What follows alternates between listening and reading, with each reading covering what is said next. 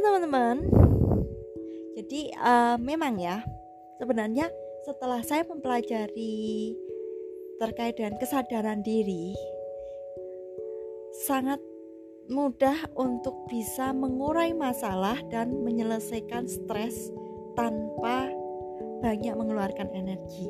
Ternyata konsepnya satu, menyadari situasi, menerima, mencari solusi terbaik, dan menghindari afirmasi positif di kala situasi-situasi memang tidak membutuhkan afirmasi tersebut.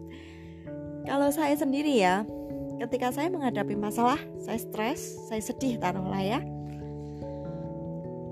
Yang ada dalam pikiran saya satu, bahwa saat ini saya sedih, masalahnya latar belakangnya ini, kemudian yang saya butuhkan saat ini adalah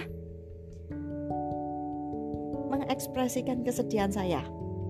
Saya akan berikan waktu untuk diri saya menghayati kesedihan saya, rasa sedih saya.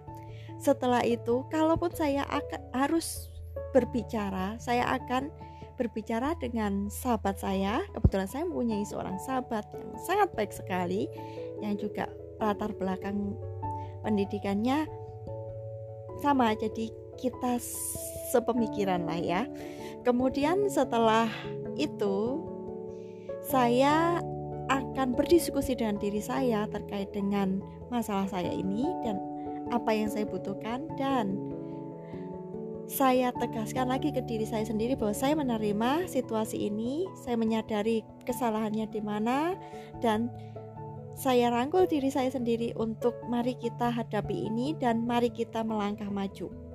Dan dengan cara seperti itu ternyata teman-teman sangat mudah untuk menghadapi permasalahan. Beneran bisa dicoba.